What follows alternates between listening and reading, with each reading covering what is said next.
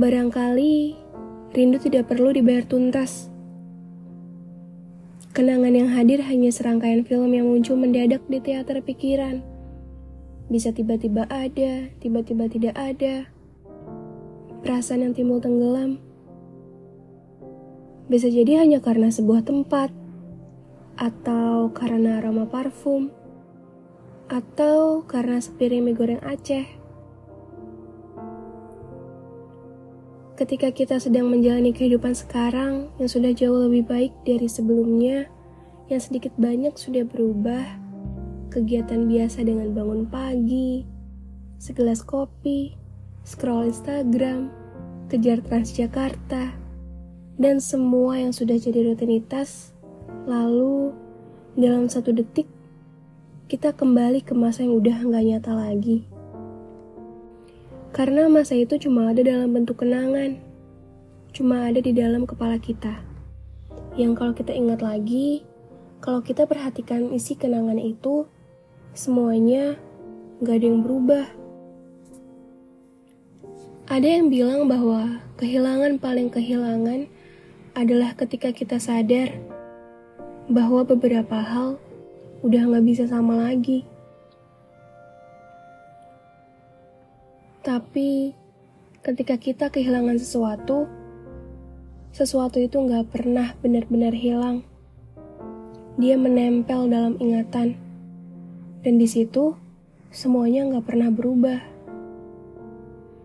Rasanya seperti mengunjungi toko buku lama yang kita kira sudah berubah. Yang kita kira pas kita datang ke sana akan terasa asing yang kita kira kita lupa di mana letak rak buku novel, di mana letak rak buku psikologis, atau di mana letak rak buku self improvement. Tapi ternyata enggak. Kita masih ingat semuanya. Karena kenangan ya seperti seperti kita mengunjungi tempat yang pernah kita kunjungin aja. Makanya, kita masih hafal betul letaknya di mana. Kita masih tahu rasanya kayak apa. Kenapa tadi saya bilang kenangan seperti film yang muncul mendadak di teater pikiran bisa tiba-tiba ada, tiba-tiba tidak ada? Karena yang saya rasain seperti itu. Beberapa waktu lalu, saya melihat seorang teman lama sudah hampir 12 tahun dan dia masih sama. Melihat dia membuat saya terbawa ke sebuah teater bioskop yang filmnya menayangkan kenangan-kenangan lama.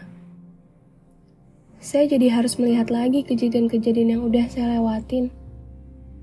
Hal-hal indah sekaligus menyakitkan itu datang tanpa dipesan. Perpisahan memang tidak pernah berakhir baik, tapi bisa jadi pilihan terbaik.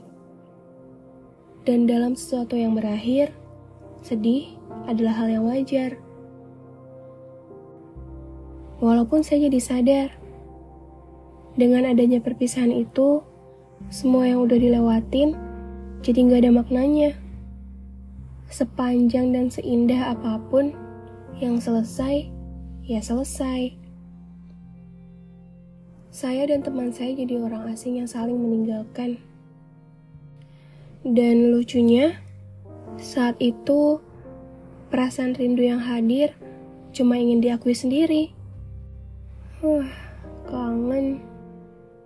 Dan itu cukup. Hanya merindukan momennya aja.